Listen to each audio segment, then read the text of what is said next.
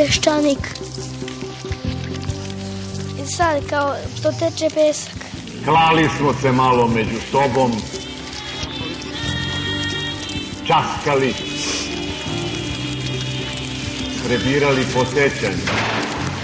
Srbi krenuli za kulturom, za civilizacijom evropskom, za modom evropskom. O, leševi srpski! Nacionalizam kod nas nije isto što nacionalizam u Francuskoj. Peščanik. E, Možete govoriti kao što Francuzi piju za ručak vino, mi smo alkoholičari, mi ne smemo ni kap vina da pijemo. Ajde dalje. Napustimo mračni i sramni Beograd. Iza nas nerazuman lelek nedostojnih, Peščanik. ispred nas ciljevi uzvišeni. Ovde ljudi još uvek masovno misle da socijalizam nije tako ređen. Može, treći put vodi pravo u Afriku. Ekonomski uvek, ako hoćemo tamo, onda smo na pravom putu. Iznad nas zver koja nas vodi putevima gospodnjim.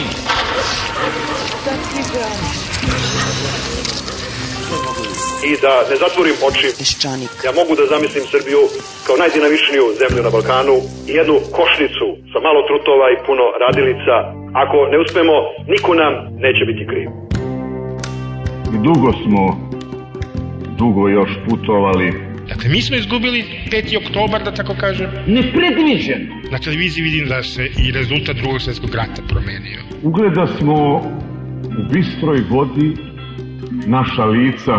Prema tome, ja očekujem da će Srbija krenuti nešto novo tek kad pobedi Turke na Kosovo. Iznenada briznu smo u plač. Peščanik.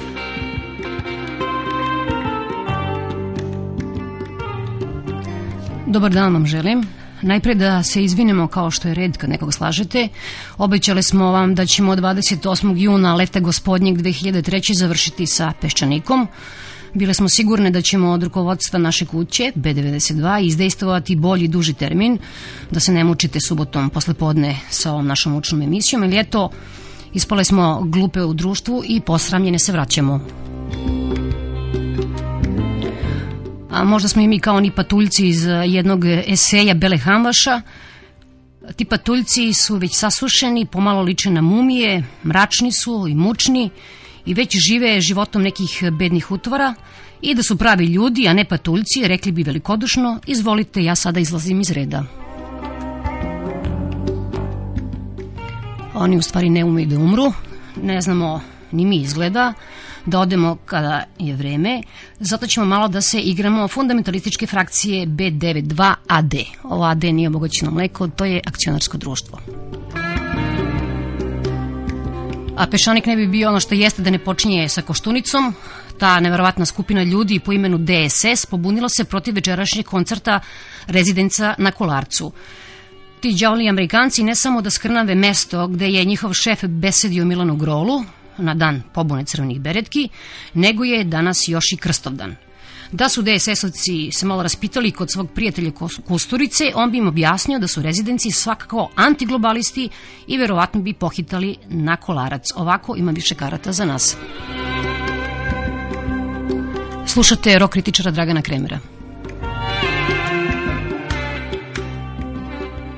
rezidenci od samog svog početka, znači 30 godina, ruše sve principe popularne i masovne kulture gde je jedan od glavnih ciljeva da postaneš poznat pošto oni skrivaju svoj identitet, ali zaista ne kao članovi grupe KIS koji se samo malo žešće našminkaju, rezident su ostali do danas potpuno nepoznati. Ali je poenta da oni uspevaju da rade sa potpunom kreativnom slobodom i kroz eh, jed, jedan sistem nezavisne diskografske kuće koji su sami sebi osnovali i koja je jedan od pionira te vrste poslovanja kontra velike industrije ili da kažemo danas globalizacije, da su obezbedili sebi savršenu poziciju, da niko ne zna ko su oni i da mogu da rade šta god hoće. I svaki album i svaka turneja u stvari kao da je plod kreativnog i jako pametnog i duhovitog rada potpuno drugih ljudi. Tako da u stvari čak i šačica ljudi koja je čula ovaj novi album da nema najblažu predstavu šta da očekuješ. Oni ljudi ukidaju svoju biografiju. Pošto se tek završio Bitev, ja sam ubeđen da to ima mnogo više veze sa Bitefom nego sa rock and rollom, da se tu ne zavaravamo. Ovo je milioniti i nepotrebni dokaz da u ovoj zemlji ništa nije spaseno ni od gluposti ni od politike. Taj napad je ne zaslužuje ništa drugo do potpuno ismevanja, ono imunisanje. Meni je utoliko žao, to čak mogu da zamerim vašoj kući. Žao mi je što moj kolega Dragan Ambrozić se upecao da se ozbiljno brani to ne zaslužuje uopšte ozbiljan komentar, ovo zaslužuje raspravu na nivou da li će DSS, koji, ako se ne veram sad već u svojoj 12. godini postojanja, najzad organizovati demonstracije, jedan mirni kordon, mirni i dostojanstveni kordon ispred kolarca, ako toga bude ja ću, a preporučujem i ostalim posetiocima večeras doći sa dignuta tri prsta koja nikad ni na kojim demonstracijama nisam digao i vikaću, braće i sestre, tri decenije, tri decenije karijere rezidenca, pa će da me propuste, valjda. Da li će rezidenci možda, iz dobro obaveštenih izvora saznajem, na kraju koncerta, prvi put posle 30 godina u prestonici Srbije, da skinu maski i da se obznane svetu i da su stvari vidi da su to sve vreme Bora Đorđević i Riblja Čorba i onda DSS-ov kordon usklikne s radošću i uhvati se sa rezidencima i oplete kolce ovamo pored komiteta SPS-a, pa zalomi tamo kod Mirine, Mirinog nekadašnjeg kabineta i tako dalje. Da li će možda večeras, možda je to razlog, stvarni razlog cele frke, što će rezidenci, a to nije nerealno da objave da jedan od njihovih članova posle koncerta ostaje u Srbiji da živi i da se kandiduje na izborima za predsednika Srbije, jer je stvarno idealan kandidat. Nema ime, nema lik, nema biografiju, svako može da učita sve u njega i izbori će, izbori će uspeti, jer će puno ljudi rešiti da nam je to očigledno savršen predsednik, on će posle, neće se mešati u svoj posao i neće biti obaveštavan u najboljoj tradiciji srpskih predsednika, imaćemo predsednika koga niko ne zna. To je odlično. Evo, namakli smo još jednog kandidata za predsednika, pored Mićunovića i Tome Nikolića za sada. Nemamo predsednika, ali zato imamo premijera i to kakvog. Njemu je sve prosto i rešivo, on napravi spisak i onda štiklira obavljeno. Naprimer, uvesti demokratiju u Srbiju, obavljeno. 100 komada mladih eksperata, nabavljeno. Srećno detinjstvo dece iz Goraždevca plus mobilni telefoni i svakom iste patike, štiklirano. Ulazak u Evropsku uniju, svršena stvar. Nacepati mami drvo u subotu, obavljeno. Okupiti najbogatije Srbe, Kostić Šećer, Tomić Simpo, Delta Mišković, ne zaboraviti Bogoljuba, obavljeno. Rešiti problem vojne industrije i celog metalskog kompleksa, e tu ćemo malo da stanemo jer Živkovićev spisak nema kraja. Mi smo ovih dana bila u Kragovicu i to u stvari onog dana kada su ružari zauzeli upravnu zgradu pre nego što su napravili sa Čekušu Živkoviću u Milanovcu i ovaj im, pogađate, ispunio sve želje. Oni su takvi, ti oružari, da se ni ja sa njima ne bih šalila. To su prgavi ljudi, jako dobro organizovani, kao vojska skoro, i ponosni na svoje proizvode. Njima se jedino da verovati da su spremni na radikalnije načine borbe. Slušamo oružare iz Namenski. Znam da u tranziciji u Bugarskoj od 29.000 ostalo je 1200. Iako trebamo da se smanjimo, mi ne, nemamo ništa protiv toga i zbog tržišta, zbog, svega, zbog te globalne politike, ja sam bravaran, mogu baš sve da ti objasnim. Niko vam nije objasnio. Ma objasnio nama Čeda dovoljno kad je bio ovde, kad pre neki dan bio u Kragujevcu, rekao da Kragujevac nema šta da proda. Prodaćemo mi njegovu političku karijeru. Nama, gospođo, niko ne da da radi jer je prosta sitnica. Sve što radi košta 10, sve što ne radi košta 1 sve su pozatvarali, da bi privatizovali, da bi oni nabili sebi neki deo u džepu. E, ja mislim da će da se u toku oktobra, bez onog predsjednika sindikata Smiljanice, za koga mislimo da je njihov čovek, da se organizuje odavde, naš predsjednik sindikata metalaca da organizuje da se svi metalski narodnici nađu u Beogradu i dok ne omlatimo te ljude neodgovorne iz vlade, mi neće se vraćamo iz Beograda. E, glavni problem je u tome što nećemo da dozvolimo da vlada vrši ovako brzu privatizaciju na štetu radnika. Zbog čega Kori Duvički nema 20.000 platu? Šta je ona? Ona je bolja od tebi od mene da ima 175. Znači, vidimo njihov cilj. Hoće sve do pljačku i da se nabogati. Ne može Kostić Valer da kupi šećeranu za 3 evra i da on dug 13 plati, a ona košta 30. Ko stavlja razliku u džep? Komunisti Jer znamo da je Sloba pokrali 500 miliona maraka od, od Telekoma, ali komunisti i onaj zemunski klan su zove u vladi mala deca. Mislim da će Mićunović rekao, idemo na izbore. Oni su stavili čoveka kome su sve biološke vrednosti predstave. Kako nas da predstavlja čovek od 75 godina? Molim vas, imamo mladih ljudi sposobnih, ajde pa ćemo Mićunića koji ima 75 godina, da nam bude predsjednik. Pa ko će da im zađe na izbore? Neće 20% da izađe, pa narod zna za što se. Mi smo 5-6 godina se bunili kad su komunisti bili na vlasti pa smo ih omlatili. Omlatit ćemo i ove. Prva fabrika koja je uopšte ikad otvorena u Srbiji, to je namenska. 150 godina slavimo 27. oktobra. Vi ste osjećali radeći u Namenskoj, na naoružanju, za vreme rata. Pa znate šta, ja sam tada radila tek šest meseci u Namenskoj. Radim projekte, programe, kao i svaki građanin Srbije, mislim. Znate, oružje nije samo za napad, oružje je nekad i za odbranu. Ja nam živi tugu, ja nemam zemlju drugu, sam i nisam sam, i nisam sam, i nisam sam.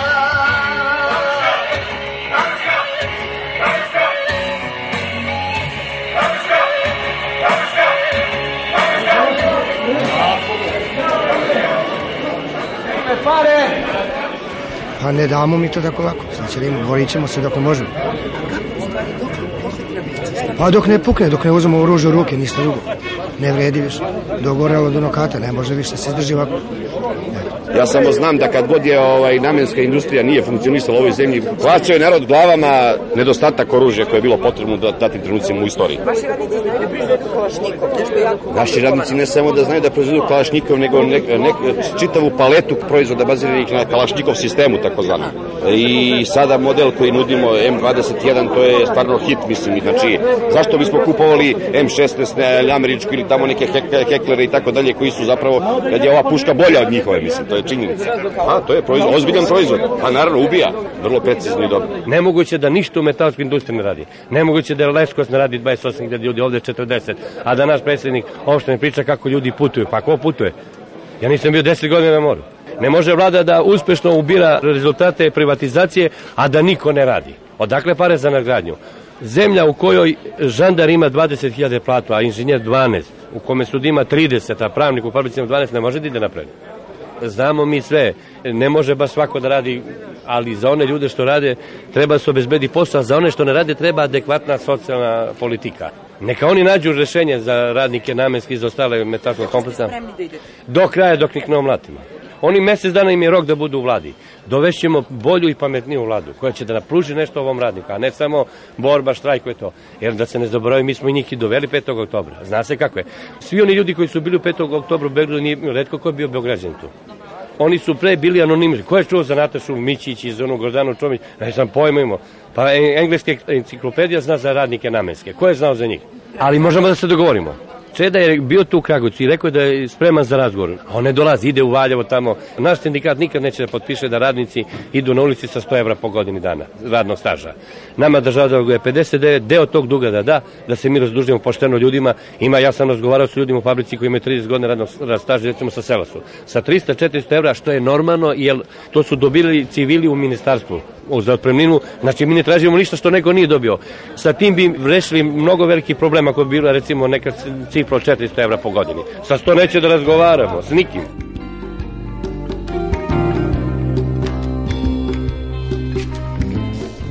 Bili su ovo oružari iz Kragujevca, a do kraja emisije ćemo malo o izborima, o partijama. Slušat ćemo, odnosno vi ćete slušati, najstarijeg i najmlađeg, ako ne računamo Čedu, političara u Srbiji, Desimira Tošića, podpredsednika Demokratskog centra i drugog čoveka G17 plus Mlađana Dinkića. Gospodin Tošić kao i njegov šef Dragoljub preziru G17, a Dinkić Demokratski centar smatra samo jednim od bednijih satelita korumpiranog DOS-a. Najpre Gosin Tošić.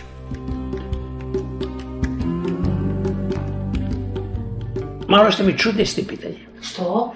Pa slušajte, svi kukuju o nekim izborima. Evo sad jedni se prve. E sad nećemo te, nego ćemo drugi. Ja verujem čak da je, su zakazani parlamentarne. A zašto pa? Nije to potrebno sada i tako dalje. Izbor predsjednika Republike je logičan i da kažem ovako, vi možda kažete ima još puno stvari. To je tačno.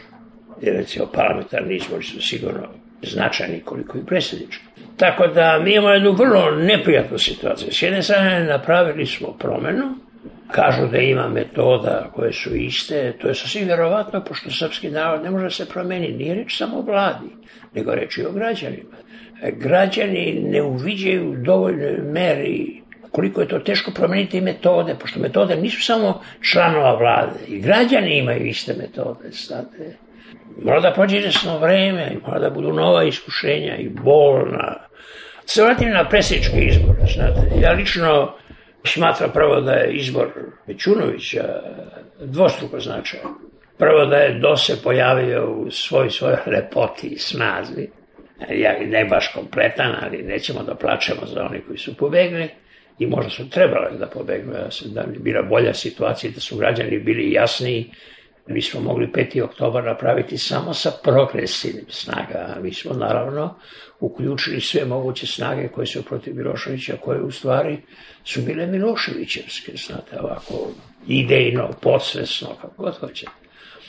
Dakle, mi sada pokazujemo da taj DOS nije nestao ja to smatram velikom, bit će vam možda smešno, pošto ja to gledam jedne istorijske perspektive i možda sam grešan u to pogledu, pošto narod bi se čini izgubio istorijsku perspektivu. A tu se ipak neka zajednica, mi smo majstori za rasturanje. Kad vidite dve, tri, četiri, pet, deset strana kada su zajedno, treba da se zaradujete, ako ste Srbi. A drugi problem, znate što je kandidat Mićunović je jedan najbolji slučaj naš prvo čovjek od biografije, nije pao sa grane pa postao predsjednik stranke. A s druge strane, u stvari, jedna prosječan pozitivan slučaj. Dakle, nenametljiv, ozbiljno posao koji radi, ali u svakom slučaju mi smo sada u susretu s jednim čovjekom s kojim živimo zajedno, ja lično 13 godina zajedno, znate, pored svih iskušenja koje su bila i pored svih mojih kritika koje ja imam prema njemu i koje ja nikad nisam krio, znate, imamo čoveka koji je predstavnik politike. Izbor Mićunovića za kandidata DOS-a je pobeda politike posle naših cirkuzanstava, ostrašćenosti, mržnje, samo da pokažem kako smo mi kontradiktorni, e, svi, svi, svi, a kad dođe da budemo svi, taj koji vikao svi, svi, svi, deset godina, pobegne. Ovde Mićunović nije nikad nikome ništa obećavao svi, svi, svi, nije obećavao da će ujediniti srpski narod, ali čovek radi jedan posao ozbiljan i na ono što je uradio u parlamentu prvo Republike, posle u Saveznom parlamentu predsjednik parlamenta Srbije i Crne Gore. Meni je žao što on odlazi sa tog položaja, pa što je bio izvaredna ličnost da stalo održava neki konsensus, znate, što je vrlo teško i među srbijancima, da ne govorim srbijanci i crnogorci.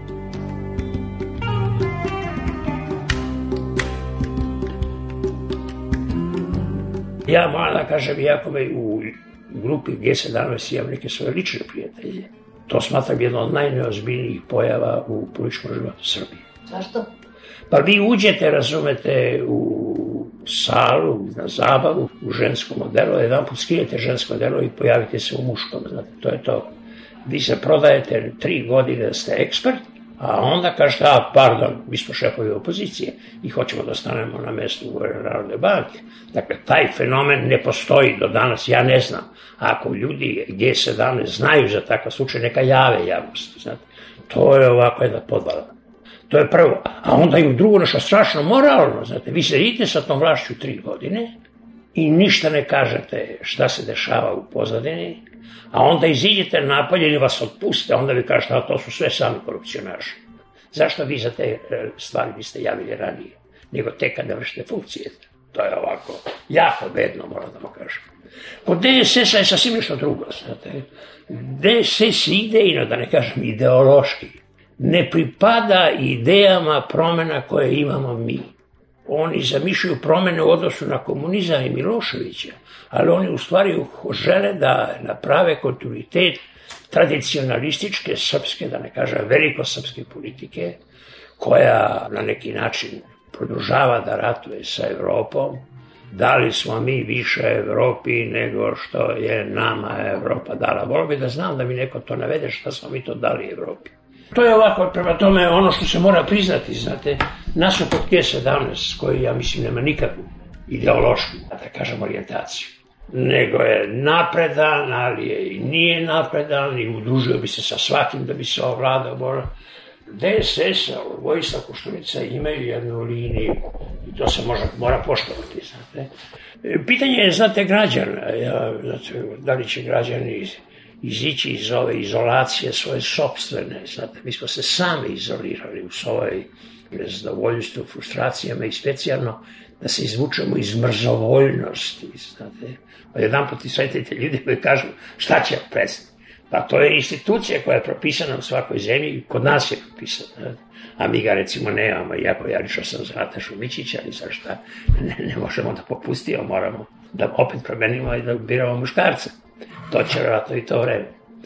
A šta ako ne uspe? Ima velikih izgleda da neće uspeti izbori. Nije važno da će uspjeti ili ne uspjeti, jer važno je ovo. Ja ne znam koliko mi to osjećamo sad. Ja se plašim da mi još uvek, kao što sam rekao malo pre, mnogo više promjena ima u Srbiji od strane vlasti nego što ima promjene društvene svesti. Mi igramo na bini evropskog zbivanja. Ako mi doživimo da imamo još manje učesnika, mi ćemo se obrukati ne prvi put. I onda nemamo pravo uopšte da se bunimo. Što nas ljudi maltretiraju, satanizuju, odbacuju. Mi pokazujemo u tom slučaju, ako se to dogodi, da smo nesposobni da sami sobom vladamo. Pošto nećemo da izaberemo svoje predstavnike. Mi smo neka gunđala postave, znate, pošto nas je ovaj Milošević, znate, u stvari zaveo. I mi se još nismo oslobodili njegove zavodljivosti, to vidite po rezultatima lokalnih izbora. Pa se na svim lokalnim izborima opozicija dobija, vlada gubi, to je jedan uzus koji postoji u svima zemljama. Ali kod nas nije običan slučaj vlada i opozicija, znate, što dokazuje da je još uvek veliki broj građana na strani jednog srpskog junaka koji se sam predao okupatoru i jednog čoveka koji je uništio zemlju, svoju porodicu i sebe lično i da ljudi glasaju za njih tu dvojicu, to znači da mi ima jedan veliki deo stanovništva, možda 10-20%, koji su potpuno lišeni političkog mozga.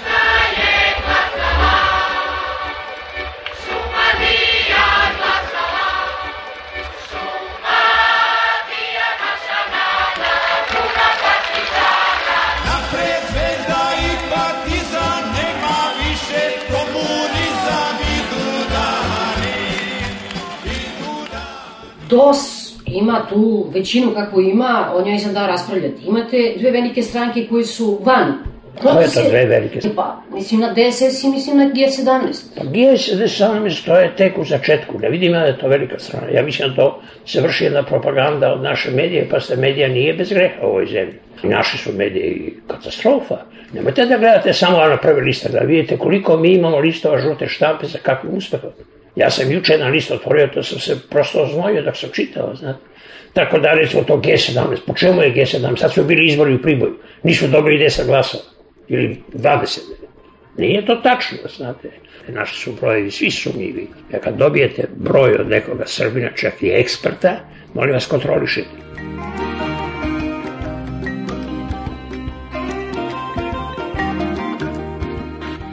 Sad nikako mi nije jasno, ljudi, znate, u politici moraju da imaju dve šipke u vatri, znate.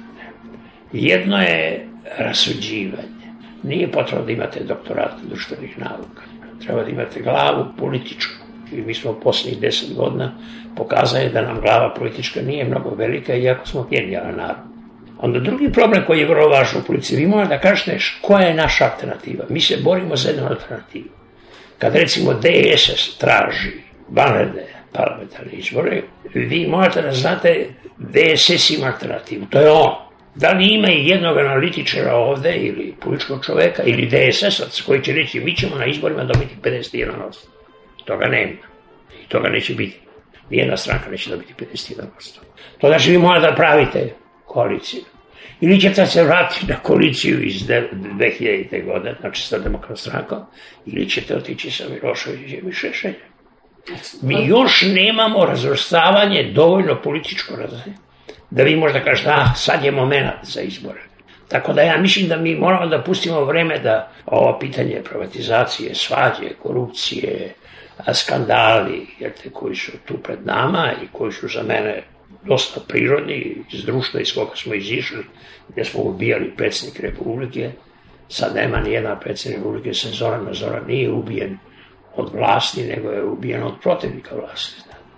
Ja lično ne vidim da će parlamentarni izbori, čak i kad dođe njihovo vreme, da će doneti neko ovaj, rešenje ovako konačno i ovako jasno. Pa da, imat ćemo makar Dinkića u parlamentu, a ne ovako s polja. Ne, ne, pa sad ja nisam siguran da će on jedino ako otpeva još jednu pesmu pred pozorište, možda će proći za poslanika, nisam siguran. Ali morao i Labus da peva, znate, tako da budu u duetu. Meni je žao Labusa, pošto ja imao sam neke slabosti za njega. Međutim, odavno sam počeo da ih gubim, znate, i ovo što poslije se radi, to sam potpuno izgubio. Nemojte da zaboravite da je on bio predsjedavajući u glavnom odbora kad su mi Bićunović i profesor Simonović bačeni kroz prozor. Tako da smo sve to zaboravili, a ja sam ga slušao na proslavi demokratske stranke, kad je on rekao ja sam vaš član, ja ostajem sa vama.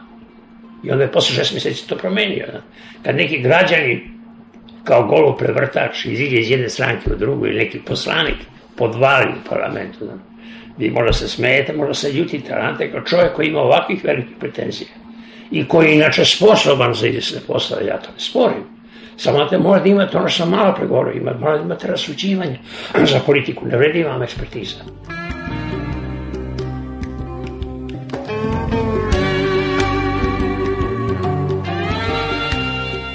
To znači, ako ne iziđete na glasanje, vi ne dajete dve pare sa onim što se dešava u zemlji.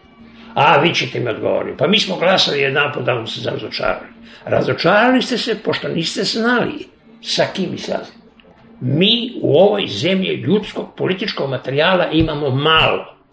Prema tome, vlada takva kakva je sa svim svojim minusima, to je vlada naroda u kome nema dovoljno ljudskog političkog materijala.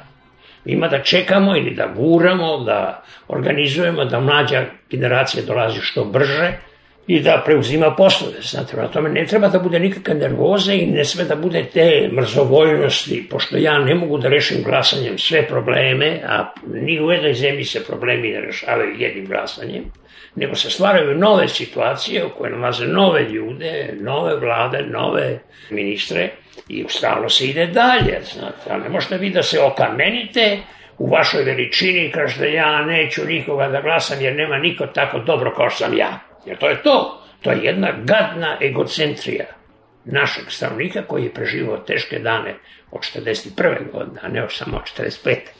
Prema tome, mi moramo jedan da se uživimo, da mi moramo da učestvujemo, a učestvujemo ako na svako glasanje iziđemo, a ne da se pravimo važni, kao da smo mi centar sveta. Ceo svet je protiv nas, samo smo mi krasni, a mi ne možemo da idemo na izbore, molim vas. Ne traži se od nas da idemo na Kosovo da vodimo bitku, nego se traži od nas da glasamo.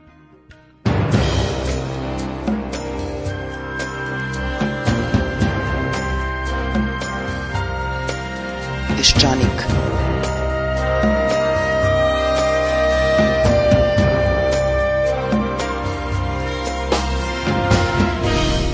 pulled up behind a Cadillac.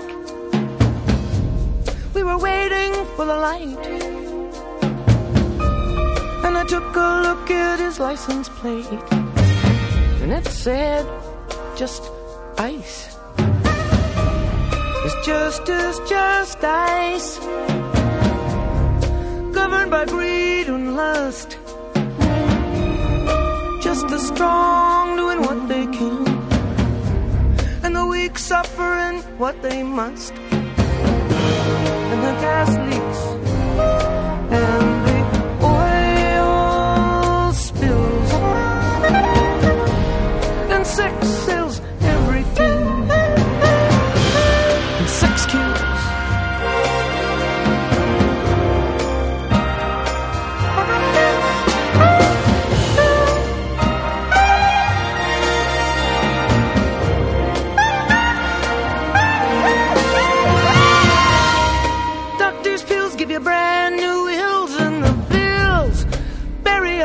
avalanche.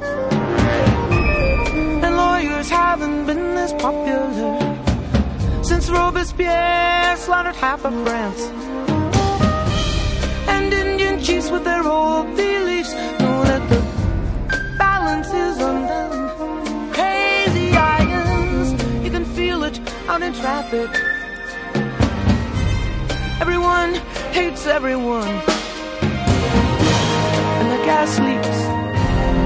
And the oil spills.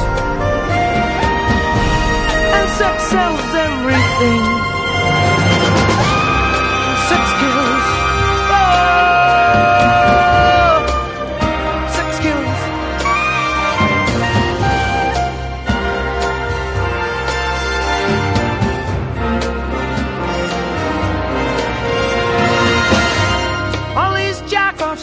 Office, the rapist in the pool. Oh, and the tragedies and the miseries. Little kids packing guns to school. The ulcerated ozone, these tumors of the skin.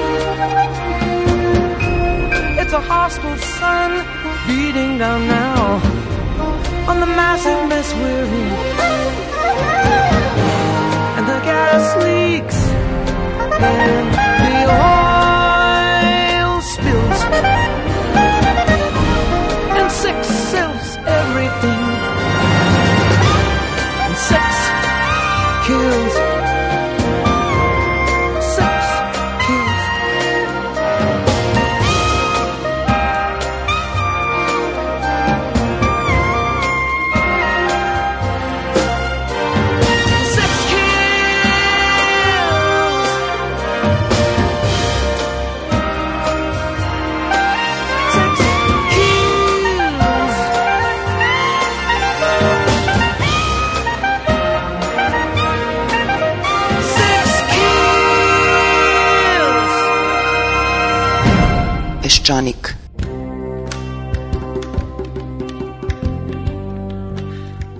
Slušali ste numeru Seks ubija sa novog albuma Johnny Mitchella, a sada Dinkić, ali ne ovaj koga svi znamo u poslednje vreme, koga Cerović opisuje kao čoveka za koga je politika rat, a politička borba krvna osveta.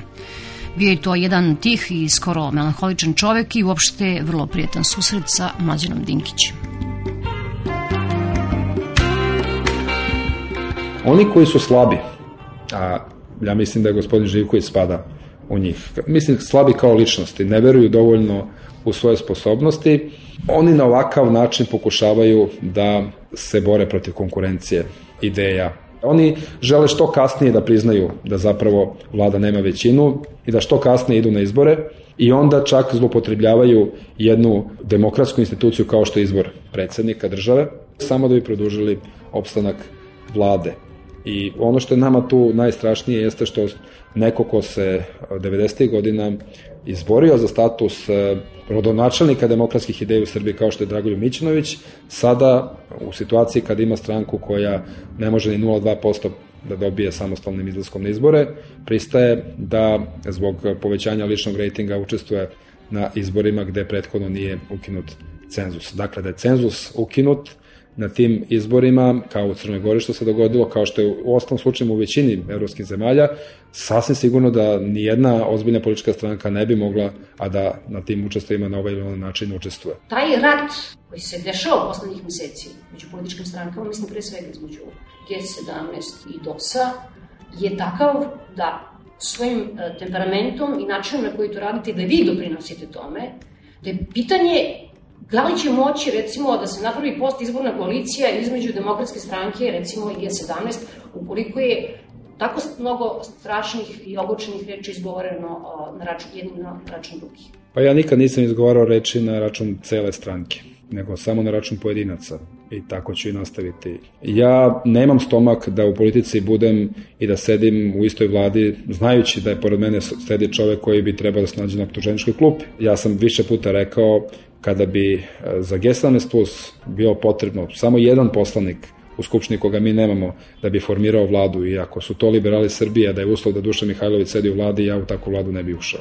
Dakle, postoji neka granica u politici gde se mogu raditi kompromisi, a gde ne mogu. Kompromisi se ne mogu raditi na polju morala i na polju zakonitosti. Što se tiče Demokratske stranke Srbije, mi zaista nemamo e, nikakvih moralnih dilema da oni mogu biti sutra nama partner u vladi. Problem su neke različite, različiti programi. Ali ako smo civilizovani ljudi i ukoliko imamo dobre namere, programske razlike se mogu prevazići. Što se tiče demokratske stranke, u njoj postoji mnogo dobrih ljudi, međutim svi oni su sada u drugom planu. Ljudi koji trenutno vode demokratsku stranku, ali ne zna se zapravo koje vode, da li je to Čedo Jovanović, da li je Živković, sigurno nije Tadić. Tu je problem niti vladu vodi Zoran Živković, niti demokratsku stranu vodi niti Živković, vodi Čedo Jovanović, jedno i drugo, a on ima poprilične veze sa ovim kriminogrenim strukturama i to je nešto što sada kontaminira čitav politički prostor. Ja se slažem da ne treba nikada rušiti sve mostove, ali moj lični princip je da mostove treba porušiti za onima koji su korumpirani ili koji mogu delovati negativno i na vaš lični položaj u vladi. Jer znate šta, nikada ne možete građanima objasniti da ne važi ono s kim si takav si.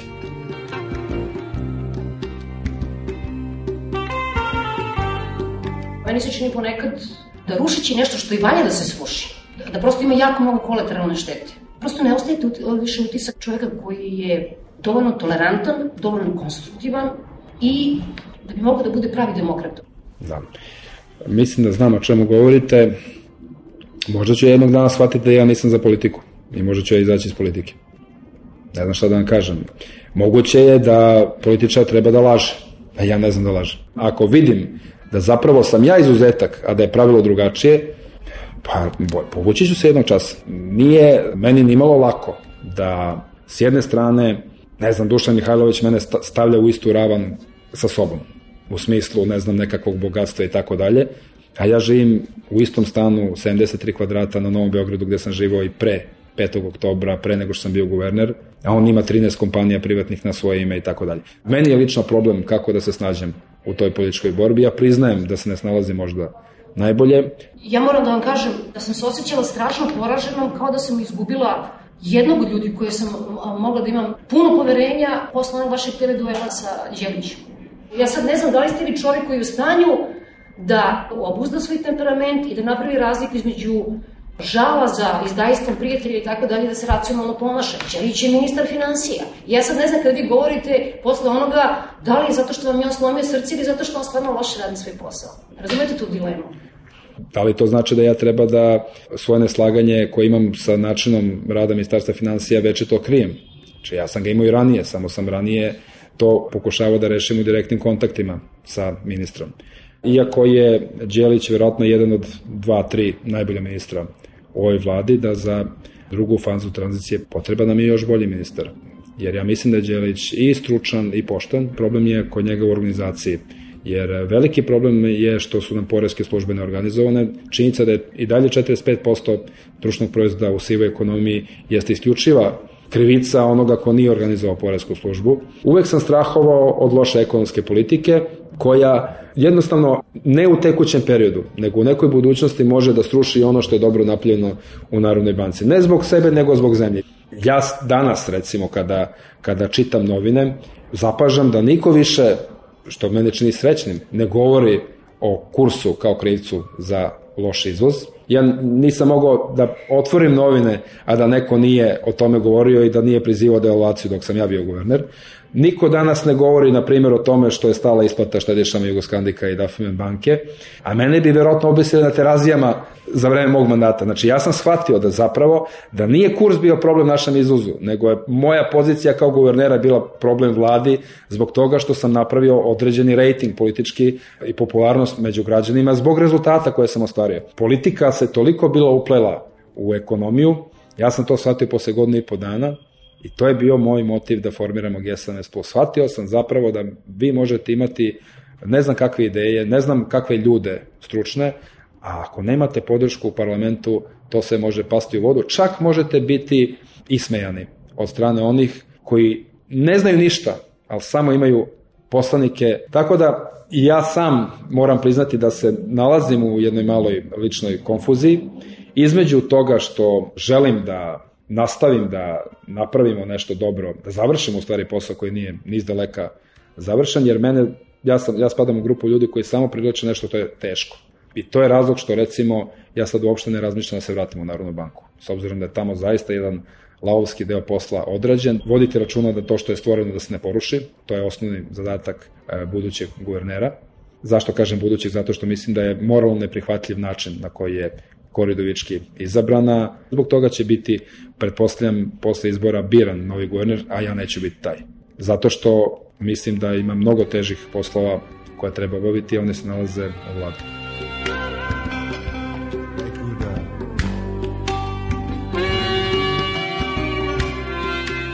karticama su zlopotrebljene i u glasanju za zakon o ilustraciji, zakon o radiodifuznom savotu i ko zna koliko puta. I da nije bilo Nenada Čanka koji se hvalio stranim diplomatama kako njegovi poslanici nisu zapravo glasali jer nisu dobili mesto viceguvernera, pa da su zbog toga, zbog nedostatka kvoruma, neki drugi morali da manipulišu tuđim karticama, mi ne bismo nikad ni krenuli da to ispitujemo. Neda Arnić je slučajno u tome našla i ja mislim da je jako loše da je građani po ovome pamte umesto po njenim ulogama. Ja, da sam ja na njenom mestu, ja bih rekao punu istinu, trebala je da kaže odmah na startu i da prekine uopšte povlačenje svoje, svog imena po novinama. Međutim, ovo je nama jako važno kao princip, jer evo, e, zbog mira u kući možemo ovako da razmišljamo. Mnogi ljudi koji su krali u prethodnom režimu nisu u zatvoru. Krađa novca, možemo se složiti, mnogo je gora od krađe glasova. Međutim, zbog krađe glasova stotne hiljade ljudi su protestovali 97. godine.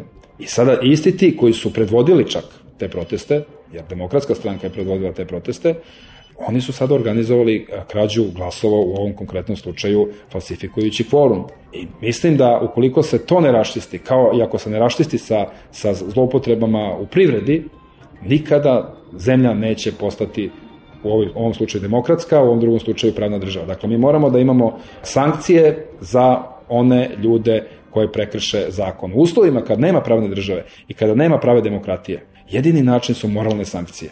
Marija Rašeta, Kolesar Janjušević, nažalost, trpe samo moralne sankcije, jer, bez, jer imamo isto pravilo kao u prethodnom periodu, čak oni nekada i odu, ali im pare ostaju.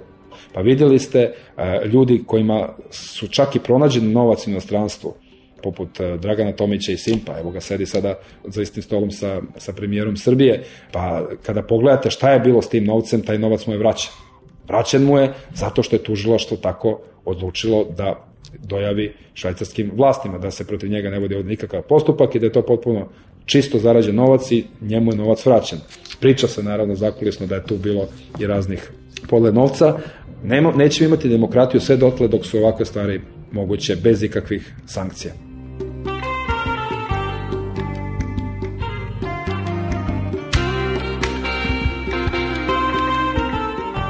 Ja sam odlučio da žrtvujem svoj sobstveni rating, a da stranka što bolje prođe na ovim izborima. Potpuno sam ubeđen da sutra ako dobijem priliku da obljujam neki drugi javni posao, da ću ja taj rating lični vratiti. Kada idem u sve ovo ne razmišljam više o ličnom rejtingu i spreman sam da ga žrtvujem, a da stranka time dobije, što se i dogodilo. Zapravo i rejting gospodina Labusa i moj, iako je još uvek na relativno pristojnom nivou, je niže nego što smo imali dok smo obavili poslove u vladi, jer sada smo izloženi i raznim lažima, napadima i to je nešto što je normalno. Međutim, stranka je znatno skočila sa 7%, došli smo na oko 15 procenata podrške ukupno biračkog tela, što znači to bi moglo biti i više u osvojenim mandatima i nama je sada cilj da pojačamo rating stranke što je moguće više. Moguće je da će to biti nešto drugačiji profil glasača nego što smo ga imali u samom početku kad je GSMS Plus nastajao, ali je činjenica da kada pređete 5% podrške, profil građana koji podržava jednu takvu stranku je najrazličitiji. Što se tiče nas kao stranke, nama bi odgovaralo što kasnije da izbori budu iz razloga što smo mlada stranka i imamo verovatno najslabiju infrastrukturu od svih ostalih stranaka. S druge strane, za Srbiju ne bi valjalo da se izbori dogode tako kasno i eto, mi na prvi pogled činimo neke poteze koji su čudni za političke analitičare, jer ja žrtvujem svoj rating, e, što jeste tačno, ali ja mislim da to radim u kore stranke. S druge strane, tražimo vanredne izbore, iako nismo sad spremni za njih u potpunosti, zato što je to dobro za zemlju. To možda nije jasno ljudima koji se do sada bave politikom, ali možda smo mi skup dobronamernih amatera, pokazat će vreme. Ako uspemo da takvim načinom rada privučemo jedno određeno biračko telo, mi ćemo biti veoma zadovoljni, jer će to značiti početak promene razmišljenja u zemlji, da ne morate politički da kalkulišete, jer politički kalkulisati danas značilo bi čutati kada otkrijete da su neki ljudi u vladili vršili zloupotrebe zarad mira u kući. Zapravo ne raditi ništa. To je, to je zapravo način na koji Demokratska stranka Srbije permanentno održava i diže rating. Ako ništa ne radite, ne možete da pogrešite. Mi se nismo prodali za takav način rada, pa ćemo vidjeti šta će nam to doneti. Ne možemo mi da budemo drugačiji nego što jesmo. Jer moram da priznam, za mene lično, kada posmatram politiku kao takvu, ona je dosadna, zatupljuje čoveka. Ja slušam vas juče kako analizirate probleme u srpskoj tranziciji, govorite o to, o viziji, kako treba Srbija da se razvija. Morate naći u stranci nekog drugog ko će izaći preko sutra sa papirima i na neki način ponašati se kao, ne znam, interna DB služba G17. Te dve uloge su nespojive. Slažem se, ovaj, i to je nešto što smo mi zapazili i što ćemo u, u budućnosti promeniti. Videli ste sami da je dobar deo tereta pres konferencija preuzela Ksenija Milivojević, naš sport parol, za koga lično smatram da je izuzetan čovek. Jedno malo pitanje. U času kad vi dižete papire, da li vi znate da u stvari to što vam se dopunjuje od 5% ka 15% i svesni ste toga da su to radikali? Ne, ne razmišljam o tome. Ne razmišljate na taj način. Zanima me kao birača, da li ćemo mi moći da računamo na vas u budući više ili neko ko je recimo ideološki na drugoj strani kao što recimo DSS? Pa ja mislim da, da su sve te opcije, DS i DSS i građanski savez i proevropski orijentisane, ja tu razlikujem ljude po tome da li su stručni ili nestručni, da li su pošteni ili nepošteni. Ne slažem se da postoji velika razlika između ideološke orijentacije, na primjer, demokratske stranke i demokratske stranke Srbije. To je sve isto. Samo je bitno koji su ljudi koje oni delegiraju tu vladu. Ako de, obe stranke mogu da delegiraju dobre ljude ukoliko hoće. Međutim, problem je što, opet kažem, trenutno u demokratskoj stranci postoji jedna brana za kandidovanje dobrih ljudi. Loši ljudi su u demokratskoj stranci isplivali. Slično u Građanskom savezu Srbije. Građanski savez za Srbije je moje lično najveće razočaranje u ovoj godini posebno, jer sam shvatio da oni više ne postoje kao stranka, To je jedna stvar. I druga stvar da oni koji su nekad stvorili Građanski savez više ne igraju ama baš nikakvu ulogu tamo i da to zapravo jedna postala interesna mala grupa koju drži Čeda Jovanović. Peščanik. Ona kaže ubaci karticu, nisam ubacio karticu, moja kartica je tu, sve vreme idem da glasam. Jasno je da se izbori moraju održati. 2000 kvadratnih metara je dato na licitaciju. To potpuno nije tačno. 3 miliona Ja nisam ubacio je trebalo biti plaćeno oko znate, nisam 200.000 evra poreza. ja odem, Na samom početku glasanja ustaje sa svog mesta, dolazi do četvrtog reda i pritiska.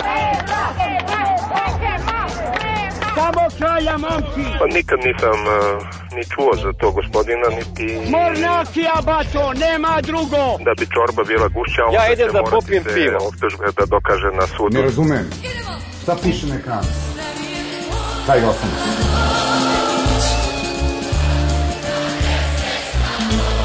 U toku istrage koja je započeta, bit će saslušani oni čije se imena pominju. Pa ćemo vidjeti šta je prava istina. Ne može crkva kvariti naše državne oručje. Da li je vama jasno da sam ja jahao popao? emocije! Da, da li je vama jasno o čemu se radi na ovoj strani? To je cirkus. Najavljene smene u Mornarici, to je sasvim providno ugađanje onom delu crnogorske vlasti svoj vojni rok? koje je sklon ukidanju Mornarice. Je li ovo dosta? Današnje epizode španske serije. Je li dosta? Ne znam šta je to novo sa Marijom Rašitom Kosavljevićem zadnjih 7-8 dana. Dosta. Ja idem da popijem pivo. Peščanik.